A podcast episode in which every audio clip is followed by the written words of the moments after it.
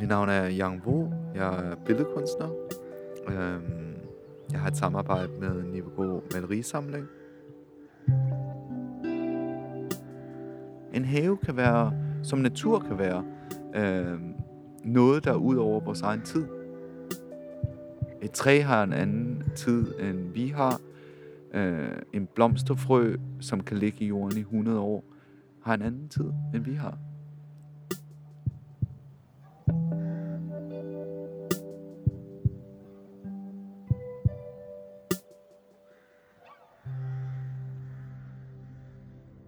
Lytter til Man kan ikke skynde på en spire, en podcastserie i fem dele om havearbejde, æstetik og biodiversitet, om tid og værdien af at dyrke sine egne råvarer, og om alt det, vi kan lære, når vi begiver os ud i naturen.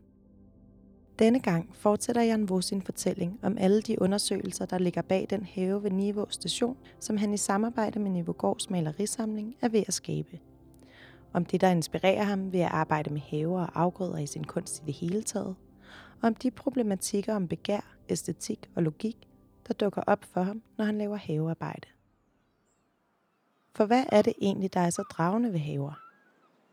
Jeg tiltrukker ting, der er overset.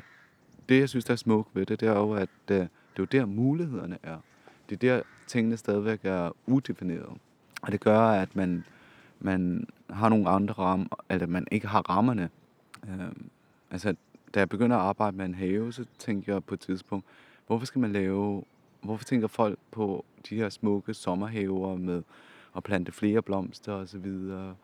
Jeg har det sådan lidt med efter en stykke tids erfaring, at øh, sommerhaver er altid smukke, altid gror. Ikke? Så jeg tænker meget mere på, hvordan jeg kan skabe en vinterhave. For ganske få år siden var det at lave havearbejde ukendt land for billedkunstner Jan Vo, der gennem sin mangeårige karriere har haft verden som sin legeplads. Men ved at passe og observere haver, har Jan Vå opdaget, hvordan det at rejse ikke nødvendigvis kræver en flybillet. Jeg er en meget nysgerrig person, så tingene skal... Øh, øh, der skal ske nogle ting. Tingene skal ikke være statiske. Og jeg vidste jo ikke det der med at observere en have, eller en skov, eller vand, at, øh, at det er en rejse i sig selv. Og det er en rejse, man går glip af, hvis det er, at man ikke er der øh, hele tiden til at se forandringer. Og øh, så jeg ser det faktisk ikke meget anderledes end at flyve tosset rundt over alt i verden for at få den oplevelse. Andet end at man bruger rigtig meget øh, CO2. Ikke? Men at man kan faktisk blive på et sted, og så er det en rejse i sig selv. Og det er jo, øh, det, det tror jeg hænger meget sammen med den måde, jeg tænker kunst på. At, at uh, tænke på, hvad er konventioner? Hvad er det, der danner vores måde at tænke på, som opfylder vores uh, trang? Og det er derfor, jeg siger, at der er ikke, der er ikke en stor forskel mellem at, at, at flyve verden rundt, eller at sidde og kigge på en have. Det tror jeg faktisk i princippet er det samme. Det kan opfylde den samme trang. Og selvom den ene storbyscene efter den anden er udskiftet med en vindblæst have på Falster i Danmark og en i Gyldenhof nord for Berlin, er de temaer, der dukker op, når Vore arbejder med haver, de samme som dem, der altid har draget ham. At undersøge vores vaner og begær, og derved kaste lys over de større kræfter, der påvirker vores liv. Øh, altså, det, der fascinerer mig med natur, eller spørgsmål omkring natur, er jo, at, øh, at det er jo det er bare den, det er nærmest som Pandoras æske. Der kommer alle de her problemstillinger op. Så jeg har jo en, arbejdet med en gartner i, i uh, mere end tre år, og jeg mistænker hende for faktisk bare at elske at se, hvordan hun kan proppe en frø ind og se det spire. Ikke? Fordi at jeg opdager jo, at uh, når jeg finder ud af, at der er noget ukrudt, man kan spise, og jeg spørger hende, om det er sandt, og hun siger, ja, selvfølgelig kan man spise det. Hvorfor skal man spise det, når man kan gro spinat? Og så sidder jeg og tænker, øh, hov, vent lige et halvt sekund. Hvorfor skal man bruge så meget tid på at dyrke spinat, når du kan gå ud og spise skvaderkål? Altså, det tager jo meget tid at gro spinat. Og så tager det meget tid at forberede dem. Du skal forberede dem for, at de smager godt. Og det tror jeg da også, man kan gøre med, med øh, skvaderkål. Så jeg har virkelig, øh, jeg, jeg, jeg er bare sådan meget logisk tænkende menneske, og praktisk. Så jeg prøver at tænke på, hvad er tidsdistributionen her? Ikke? Øh, jeg tror, det er en del af min øh, tænkning, det der med, at vi skal jo analysere vores øh, situation og lokalisere de revner, der findes, og de huller, der skal fyldes ud. Ikke?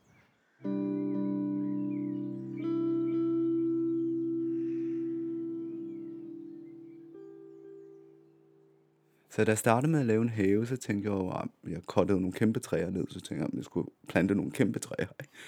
Og min gartner sagde så, nej, den går sgu ikke, så holder hun op.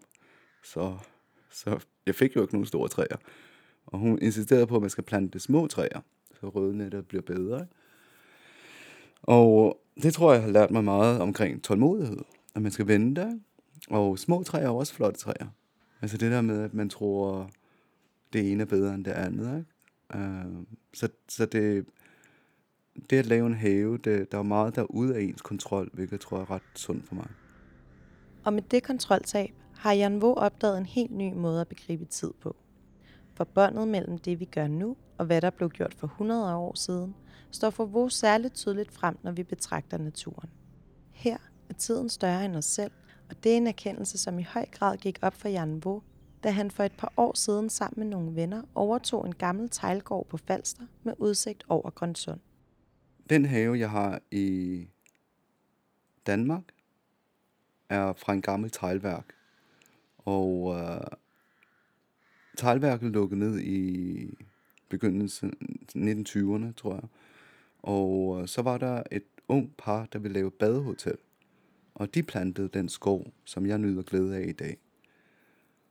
Det tror jeg har lært mig ret meget, det der med, at man kan sidde med et smukt sted, som nogen har plantet 100 år siden, som man nyder godt af i dag. Det privilegier tror jeg, man har et ansvar for. Og det gør, at man tænker i tid. Man tænker i tiden ud over en selv. Ikke? Efter en selv. Og øh, det er noget andet end, end den der meget øh, hektiske udstillings øh, struktur, som man har i museer og gallerier i mit felt, øh, hvor deadlines, øh, pressemeddelelser, whatever, at man skal stresse over. Ikke? Der tror jeg, øh, at lave have er det modsatte. Som kunstner er Jan Vo vant til at arbejde inden for stramme tidshorisonter og med mange deadlines. Men ved at bruge en have som kunstnerisk ramme, som den have, hvor udvikler ved Niveau Station, kan han overgive sig til naturens tid.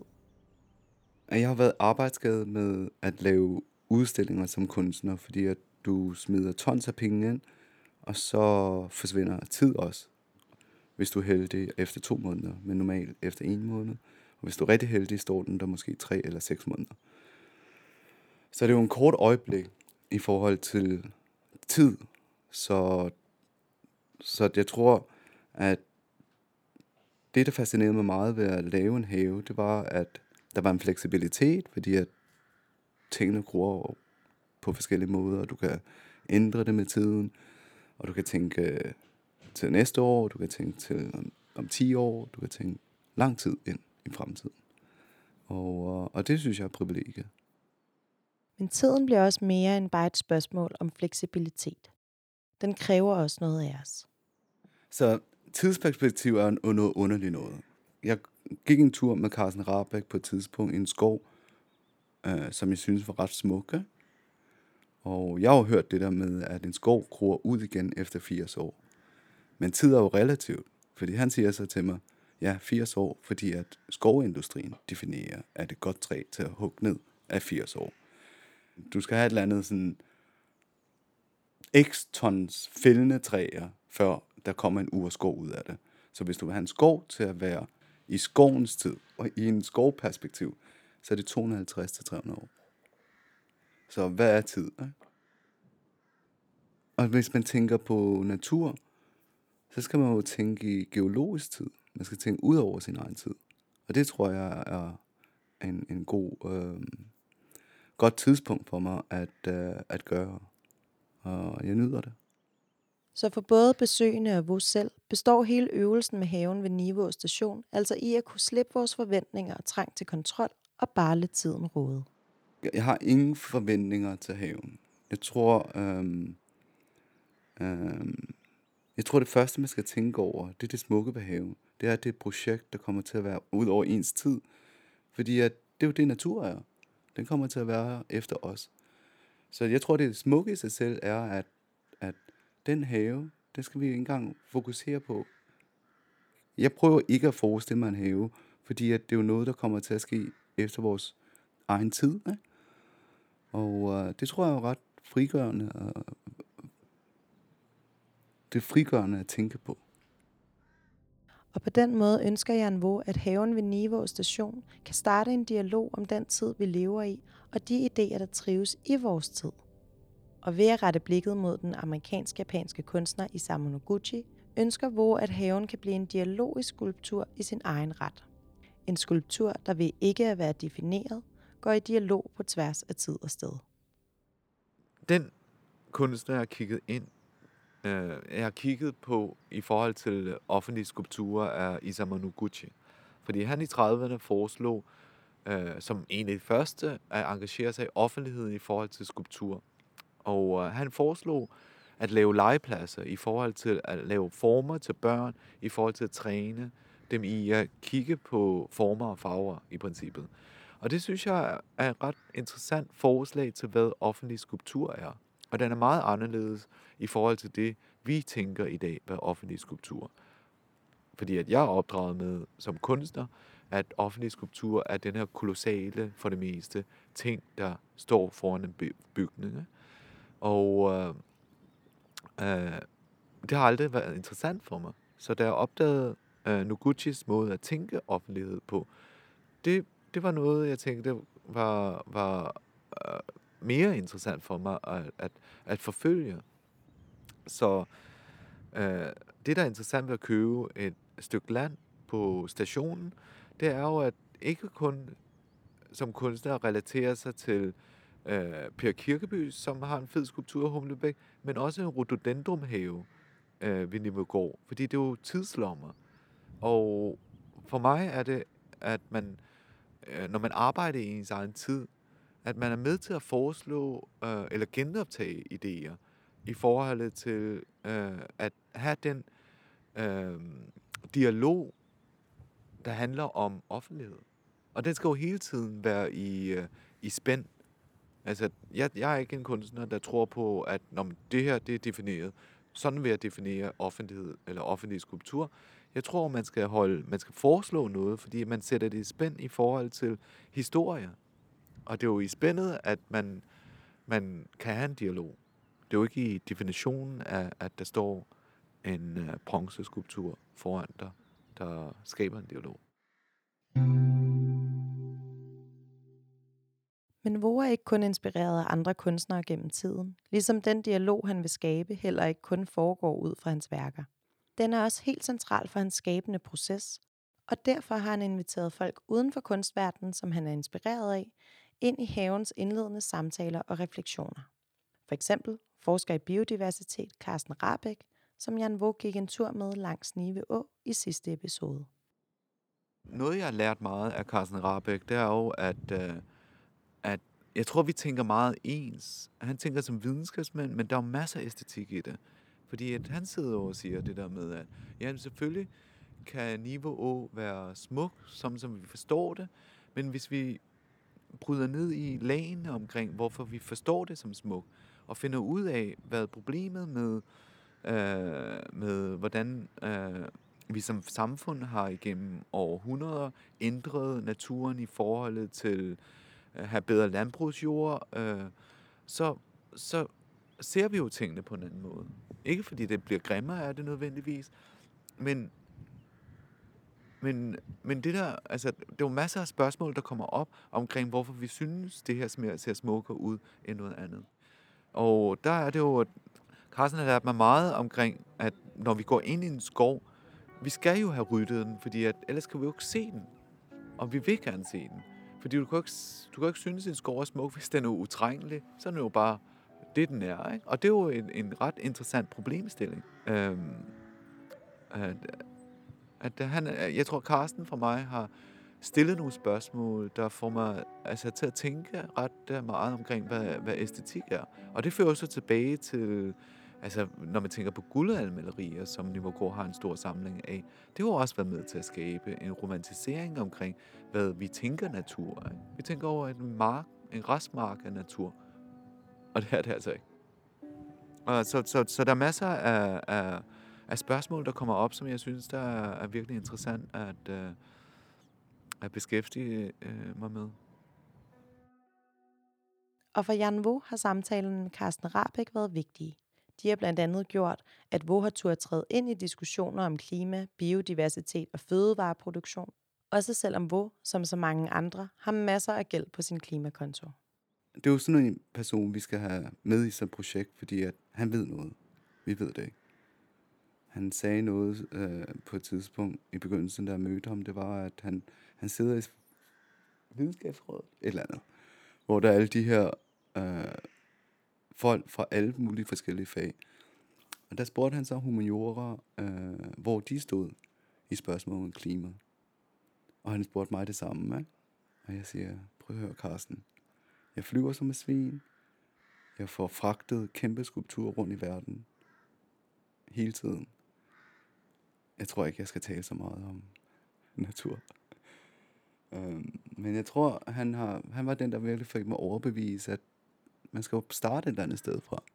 Og øh, altså, han elsker kød, ikke? så det er jo ikke, man skal jo ikke, øh, man skal ikke være bange for at deltage i de her diskussioner at være dobbeltmoralsk, der er vi alle sammen. Ikke? Og det tror jeg er et ret godt udgangspunkt. Fordi at øh, det, der er formålet, tror jeg jo, er, at på et eller andet tidspunkt, så hvis jeg beskæftiger mig nok med det her, så er jeg måske et andet sted på et tidspunkt.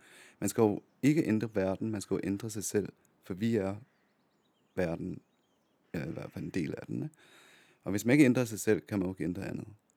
Og det er der, hvor jeg er ret pessimistisk. Ikke? Altså, jeg betragter mig selv som en veluddannet, øh, kulturel person. Ikke? Og jeg troede, at jeg spiste i sæson, og jeg troede, at jeg spiste regionalt. Da jeg troede, at jeg gjorde det, der vidste jeg jo ikke engang, hvad der gror i sæson, eller hvad der gror regionalt.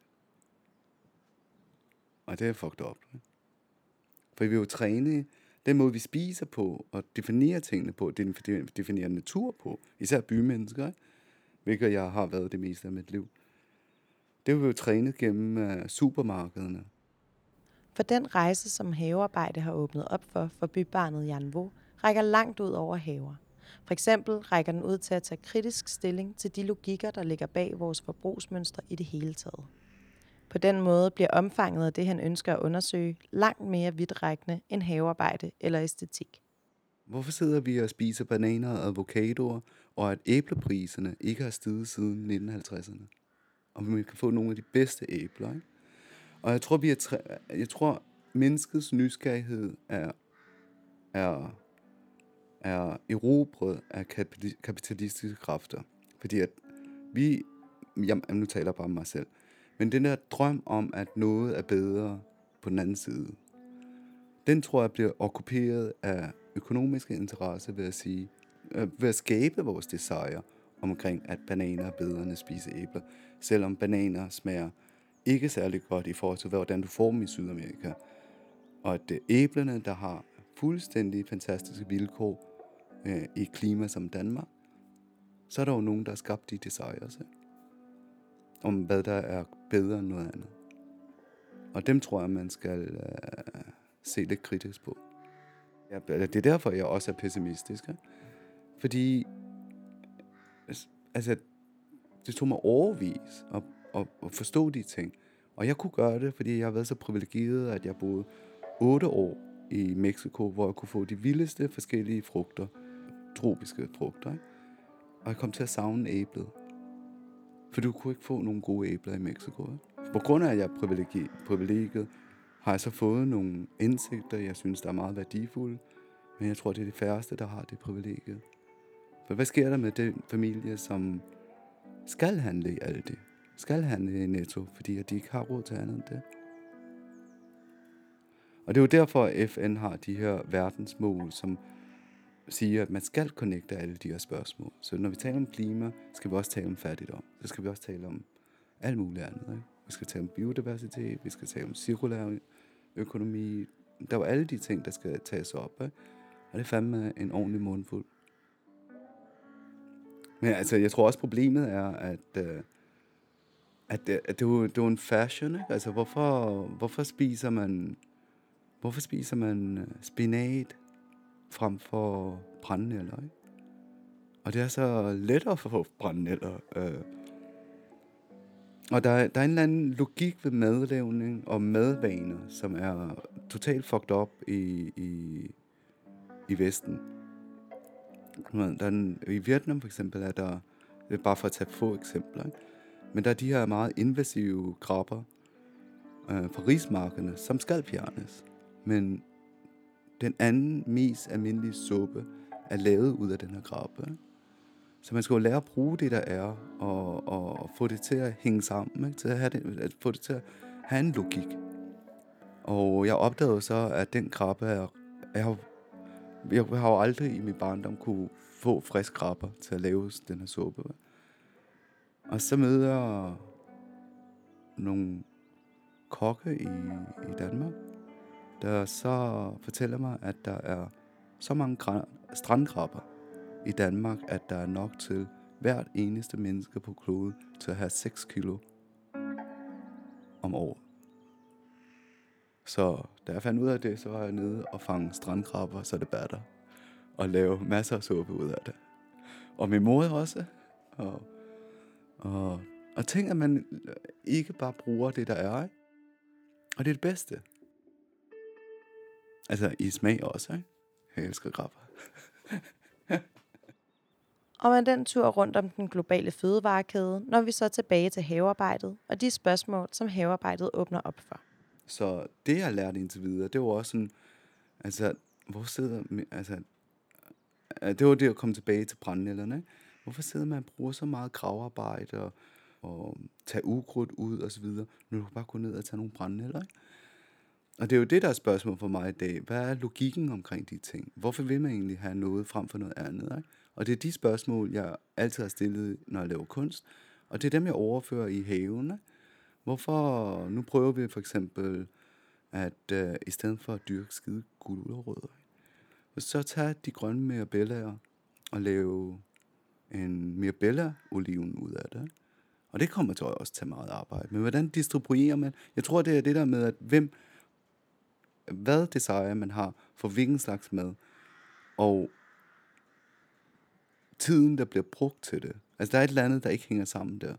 Så det er derfor, jeg spørger mig selv, skal vi bruge alle de timer på at dyrke gulerødder selv, når det er, at vi kan gå ned til en fed økologisk øh, øh, landmand og købe alle de gulerødder, vi vil, fordi at, øh, det er mere praktisk, ikke? og så lave nogle andre ting, som man ikke kan få derude. Så det er, jeg tror, det jeg prøver på nu, det er at distribuere tiden på en rigtig måde. Men Janvos undersøgelse har ikke kun logistisk eller praktisk karakter. Den handler også om hans nysgerrighed for det, der helt menneskeligt navigerer og rører os. Jeg, jeg tror, det er en undersøgelse af, hvad desires er. Fordi at øh, den begær, man har til ting, eller den grund, grunden til, at vi elsker noget mere fremmede for noget andet, er jo kommer jo ikke indenfra. Der er nogle politiske, sociale, økonomiske interesser, der okkuperer din, din begær, ja, min begær. Og jeg har altid været nysgerrig at vide, hvad forårsager de ting. Ikke? Så grunden til, at jeg synes, begær er ens egen fjende, det er jo fordi, at når man begærer noget, så lukker man lidt øjnene for andre ting. Så i princippet, så slår man faktisk sin nysgerrighed ihjel. Hvilket jeg synes, at nysgerrigheden må aldrig dø. Ikke? Og det er derfor, jeg siger, at begær er en, en fjende. Ikke? Fordi at, en, du kan jo så sidde der og dyrke kartofler og gulerødder. Ikke? Det vækker ikke min nysgerrighed. Min nysgerrighed kommer af at spørge, hvorfor dyrker folk spinat frem for at spise brændnætter? Og det er ved at arbejde med en have, at de her spørgsmål kommer op. Ikke?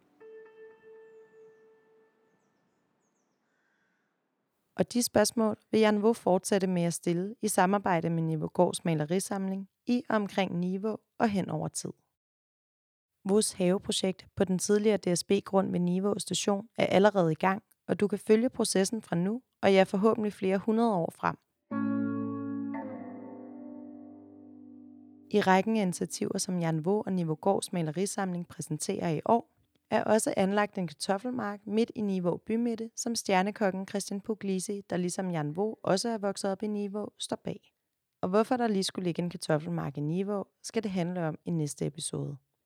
Her fortæller Christian Puglisi nemlig om sin begejstring for råvarer, landbrug og kartofler, og om rejsen fra at være en kredsendreng, der aldrig rørte maden, når han var på familieferie på Sicilien, til at blive banebrydende stjernekok og råvareproducent.